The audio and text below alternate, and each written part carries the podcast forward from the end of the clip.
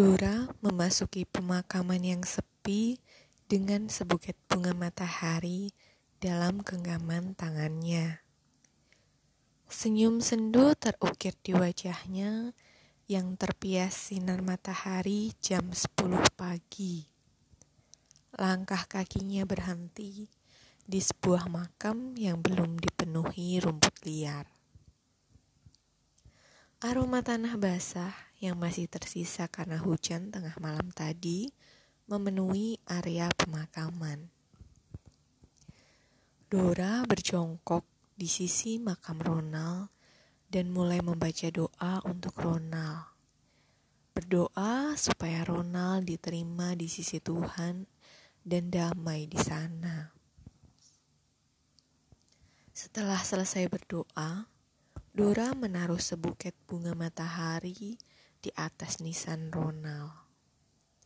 Bagi Dora, Ronald sudah seperti cahaya hidupnya, matahari yang diberikan Tuhan di muka bumi. Ronald selalu bisa membuat Dora senang dengan caranya sendiri.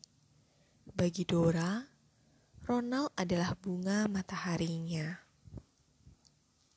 Sambil mengelus nisan Ronald pelan, Dora tersenyum dan terus mencoba agar kesedihan tidak lagi menerpanya. Hai Ron. Dora menghela nafas berat. Berat rasanya untuk tidak berharap kalau Ronald masih ada di sisinya. Aku berhasil ikut 30 Days for Finding Food. Kamu tahu nggak? Ternyata jurnal peserta acara ini yang kita baca di majalah selama ini tuh nggak ada apa-apanya. Aslinya lebih seru dan benar-benar nggak nyangka deh kalau kedai bakpo aja ternyata punya HG. Ternyata yang selama ini kita baca itu cuma sebagian kecil dari aset mereka. Aku aja nggak nyangka loh. Dan selama aku ikut acara ini, aku selalu ketemu cowok-cowok hmm, yang entahlah ada yang baik, ada juga yang agak aneh. Dora terkikik sebentar, teringat Otis dan Owen yang benar-benar aneh dan selalu bikin naik darah. Ada yang namanya Felix, Otis, Owen, sama Dylan. Ada yang baik, rame, kalem, tukang ngeluh, suka marah-marah, Pokoknya macam-macam deh. Heran kenapa bisa ketemu mereka terus walaupun gak setiap hari. Mungkin kamu sengaja ya nemuin aku sama mereka. Dora terus bercerita tentang kakaknya, tentang Ana, tentang Sevi yang masih mengincar orang yang sama. Dora ingat bagaimana dulu Ronald sering menggoda Sevi tentang gebetannya yang tak kunjung ada kemajuan itu. Sebisa mungkin, Dora tidak menangis atau mengeluh tentang kepergian Ronald.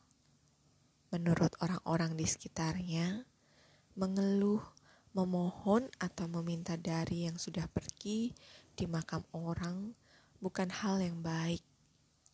Justru kitalah yang harus mendoakan mereka dan memohon kepada Tuhan untuk memberinya tempat di surga. Aku pulang dulu ya. Makan siang ini harus dipecel ekor lele. Tuh kan, siapa yang nyangka itu juga punya hake. Dora berdiri dan memandang nisan itu sekali lagi sebelum melangkahkan tubuhnya menjauhi makam Ronald. Rasanya ada yang berarti dan memberati dadanya. Baru kali ini ia bisa setenang itu menghadapi kenyataan bahwa Ronald telah tiada. Aku pulang dulu ya. Terima kasih untuk semuanya selama ini. Aku bersyukur telah dipertemukan oleh orang sepertimu, walaupun mungkin hatiku sudah entah ke mana dan lupa caranya seseorang mencintai seseorang kecuali keluargaku dan kamu. Dan dengan itu, rasa sesak di dadanya berangsur hilang, dan setiap langkah Dora meninggalkan makam Ronald. Sebulir air mata mulai menuruni pipinya, mengaburkan pandangannya, dan membuatnya tidak sadar sosok yang tadi dikunjunginya tengah tersenyum menatapnya dari kejauhan. Owen memperhatikan langkah Pelandora yang memasuki pecel ekor lili. Dilihatnya sosok mungil itu mulai duduk di sudut ruangan yang merupakan area lesehan dan memesan makanannya. Yang Owen berani jamin pasti dalam porsi cukup besar. Posisinya yang juga duduk di area lesehan Berselang beberapa meja dari Dora, memungkinkan Dora dalam beberapa detik ke depan pasti menyadari kehadirannya. Awan? Awan yang beberapa detik sebelum Dora menoleh ke arahnya, berpura-pura membaca diktatnya, menoleh ke arah Dora.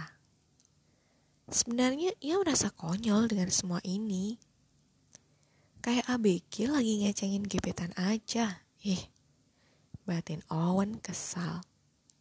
Oi, sapa Owen pendek, tanpa senyum walau sebenarnya ia menyapa dengan tulus, tanpa bumbu peperangan. Sendirian, mau gabung sama gue? Owen menjawab pertanyaan Dora sembari merapikan diktatnya. Boleh? Dora tersenyum menyambut Owen yang kini duduk di hadapannya di area lesehan ini. Dora sendiri sebenarnya tidak yakin apa yang membuatnya terdorong untuk menyapa dan mengajak lelaki itu bergabung. Seingatnya, mereka kan hampir seperti musuh bebuyutan, tidak pernah akur, kecuali saat di dapur rumahnya. Entahlah, yang pasti selama lelaki ini tidak mencari perkara dengannya, ia rasa aman-aman saja untuk mencoba bertingkah biasa saja. Lo nggak sama temen lo yang itu? Dora meneguk air mineralnya lalu menjawab pertanyaan Owen. Chevy maksud lo? Kan gue lagi tugas di sini, jadi nggak sama Chevy. Owen menganggukkan kepalanya. Ia tahu yang dimaksud tugas oleh Dora adalah kegiatan wisata kulinernya di seluruh cabang HG. Setelah itu mereka terdiam ditelan keramaian orang-orang yang menikmati makan siangnya. Owen bingung, selama ini jika ia berinteraksi dengan Dora, pastilah dalam keadaan tarik urat alias marah-marah. Ia tidak pernah bertemu dalam satu frame situasi yang damai.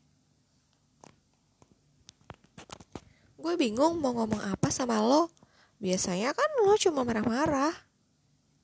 Owen mendelik kesal. Namun tak urung membenarkan juga kata-kata Dora. Ya biasanya kan lo selalu memicu temperamen seseorang naik sampai batas maksimal.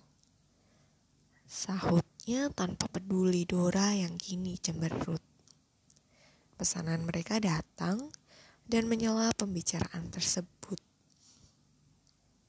Dora makan dengan lahap sampai menambah nasi dua kali. Owen tetap geleng-geleng kepala melihat gadis ganas itu, walaupun ini bukan kali pertama baginya. Lu makan seolah gak ketemu hari esok. Ujar Owen sambil meminum air mineralnya. Nasi dan pecelnya sudah tanda sejak tadi Sedangkan Dora masih asik menikmati lili yang baginya sangat menggoda iman itu. Memang harus seperti ini. Bagi gue, ngelakuin apa-apa harus seolah besok kita nggak ada lagi di dunia ini. Biar kita menghargai setiap detik yang udah kita lewatin. Owen tertegun, tidak menyangka kalau Dora akan menjawab seperti itu. Melihat ekspresi Owen yang tak terbaca dan memilih diam, Dora memberinya senyum, lalu menyudahi makannya. Gak usah horor gitu, ujar Dora sambil melempar gumpalan tisu ke arah Owen. Memang seperti itu hidup seharusnya. Kita kan gak tahu kapan giliran kita pulang. Kalau kita cuma bisa menyanyiakan hidup, pasti nanti lo nyesel.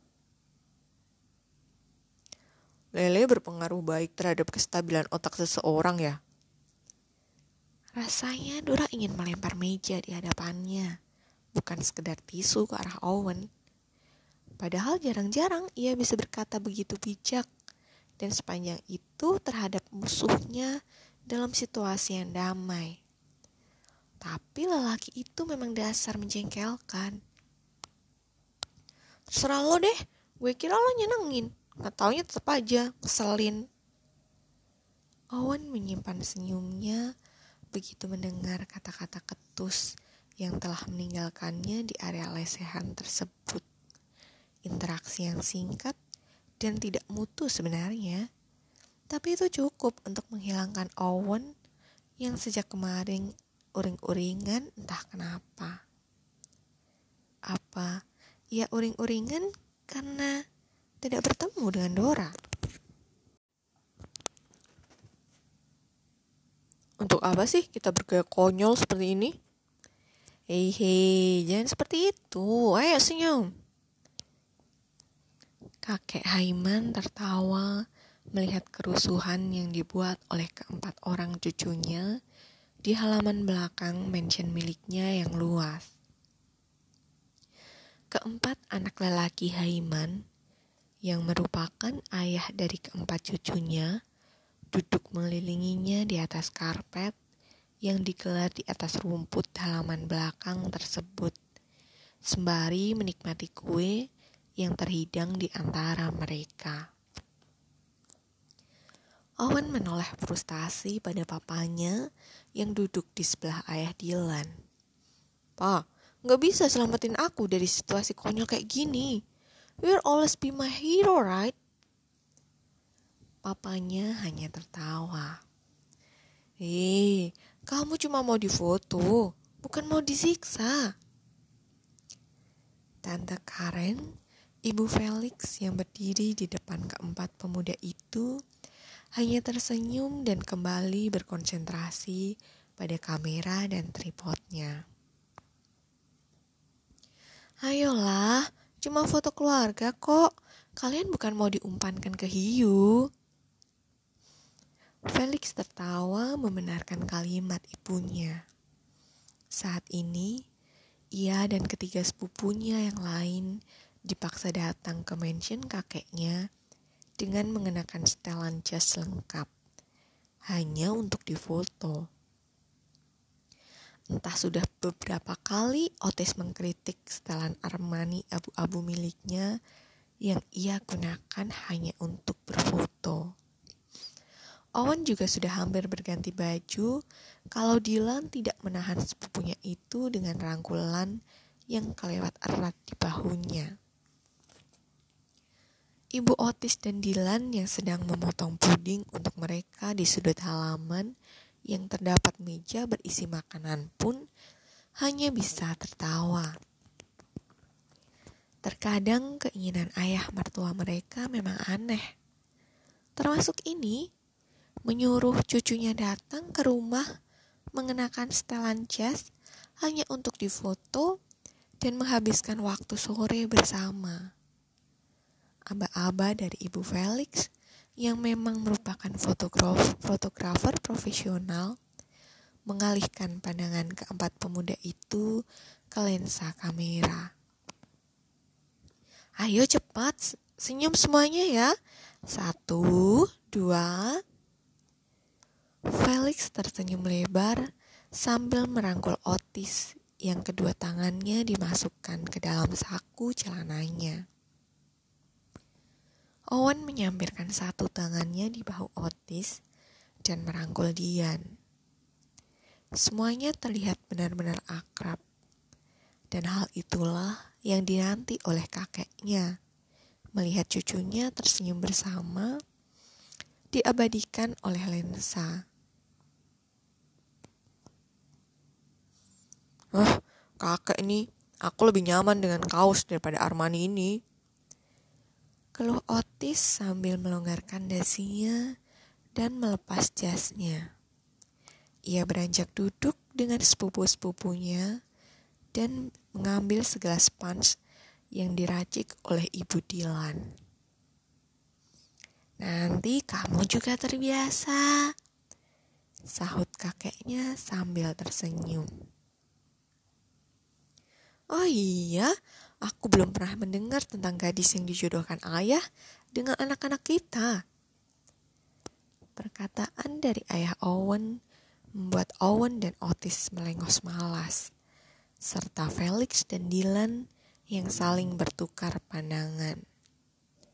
Keempat anak lelaki Haiman mulai sibuk menebak-nebak seperti apa sosok gadis itu membuat para istri menggeleng pasrah ketika suami mereka lebih heboh dari mereka sendiri. Kalian seperti personel boy band.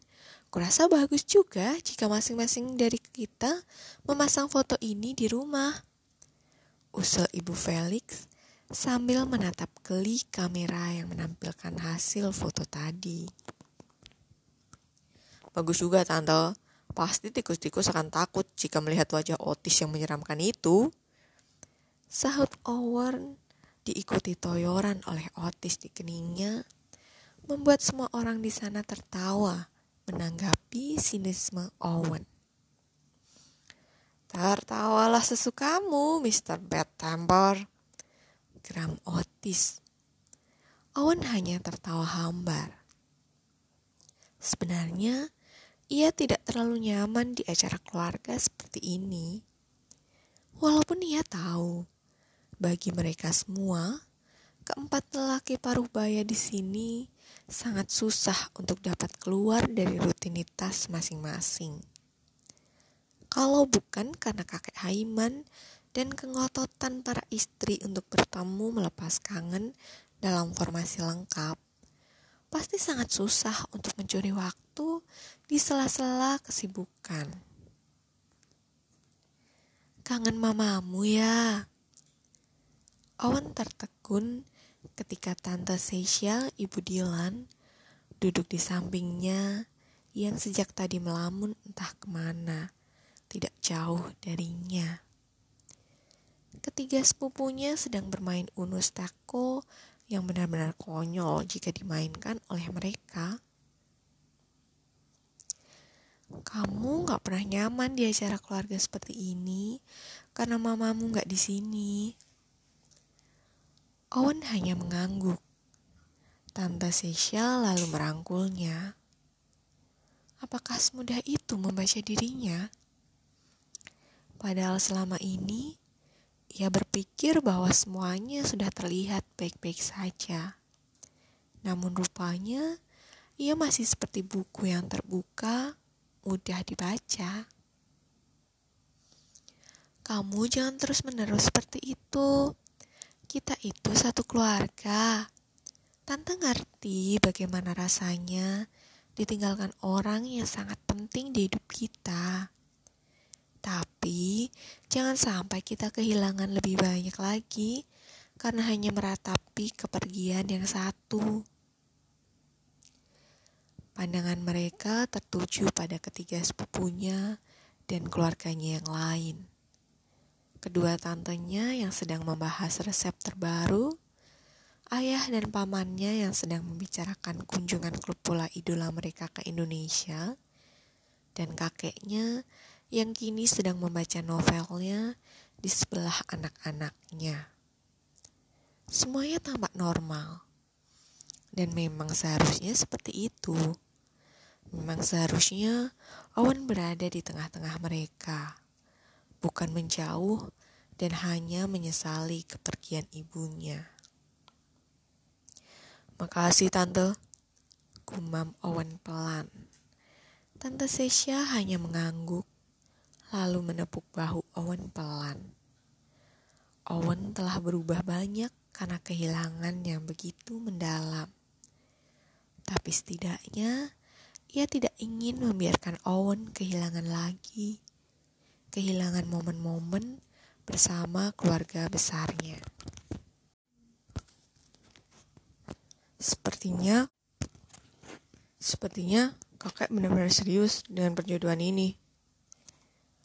Owen menolehkan kepalanya ke arah Felix yang kini berbaring di sebelahnya di atas rumput halaman dengan kemeja putih yang masih membalut tubuhnya.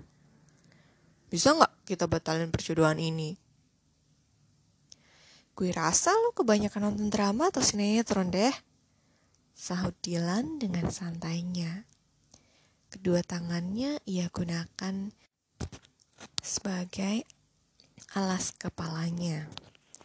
Mereka memang menyukai rutinitas menjelang matahari terbenam seperti ini, berbaring di atas rumput halaman mansion kakek sambil membicarakan apa saja.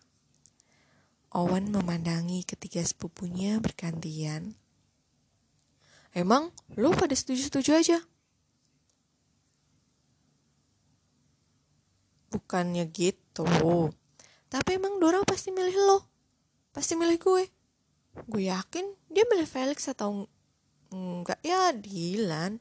Jadi ya santai aja. Owen menatap Otis horor. Tapi sedetik kemudian, pemikiran itu masuk akal juga baginya. Perempuan mana sih yang tidak akan bertekuk lutut dengan kebaikan hati dan ketenangan milik Felix atau Dylan? Selama ini, mereka jomblo pasti karena mereka tidak strike. Itu dugaan asal Owen dan Otis. Sedangkan dirinya dan Otis, hampir-hampir semua perempuan memuja mereka berdua hanya karena kepintaran ketampanan dan kekayaan mereka bukan karena kehangatan mereka terhadap perempuan. Jelas-jelas mereka jauh dari sifat semacam itu. Ya juga ya, tinggal tunggu waktu aja sampai Felix atau Dylan nikah duluan. Sahut Owen dengan lebih percaya dirinya. Felix berdiam sebentar, lalu berujar sambil tersenyum. Hei, kita gak bakal tahu siapa yang akhirnya bakal takluk sama Dora. Otis mengaryatkan dahinya. Hei, di sini yang ditaklukin dan menaklukin siapa sih? Kok gue seringnya dengar dari lo kalau salah satu di antara kita bakal ada yang takluk di hadapan si Dora ya? Dylan menyahut tenang. Memang begitu kenyataannya. Bukan dia yang takluk di hadapan kita, tapi tinggal menunggu waktu sampai siapa di antara kita yang takluk sama Dora. Sampai saat itu, mereka tidak perlu memusingkan pembicaraan tersebut. Andai saja beberapa di antaranya tidak terjebak dengan kubik perasaan masing-masing.